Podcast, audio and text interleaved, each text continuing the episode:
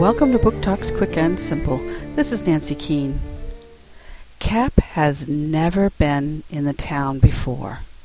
Well, I mean, sure, he's been there with his grandmother when they had to pick up some supplies, but for the most part, Cap has spent his entire life alone with his grandmother.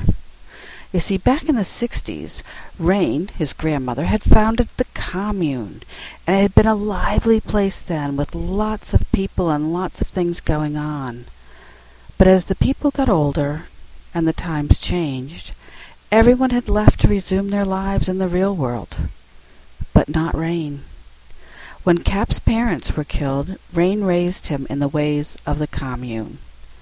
But now, Rain is in the hospital and Cap is in foster care and forced to go to the public school. With his long hair and homemade sandals, Cap really stands out. But his naivete is what really sets him apart from the others. He honestly believes that he's been elected eighth grade class president because the kids have faith in him.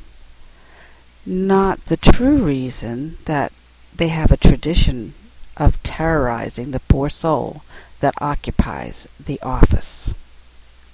Schooled by Gordon Korman, Hyperion Books for Children, 2007.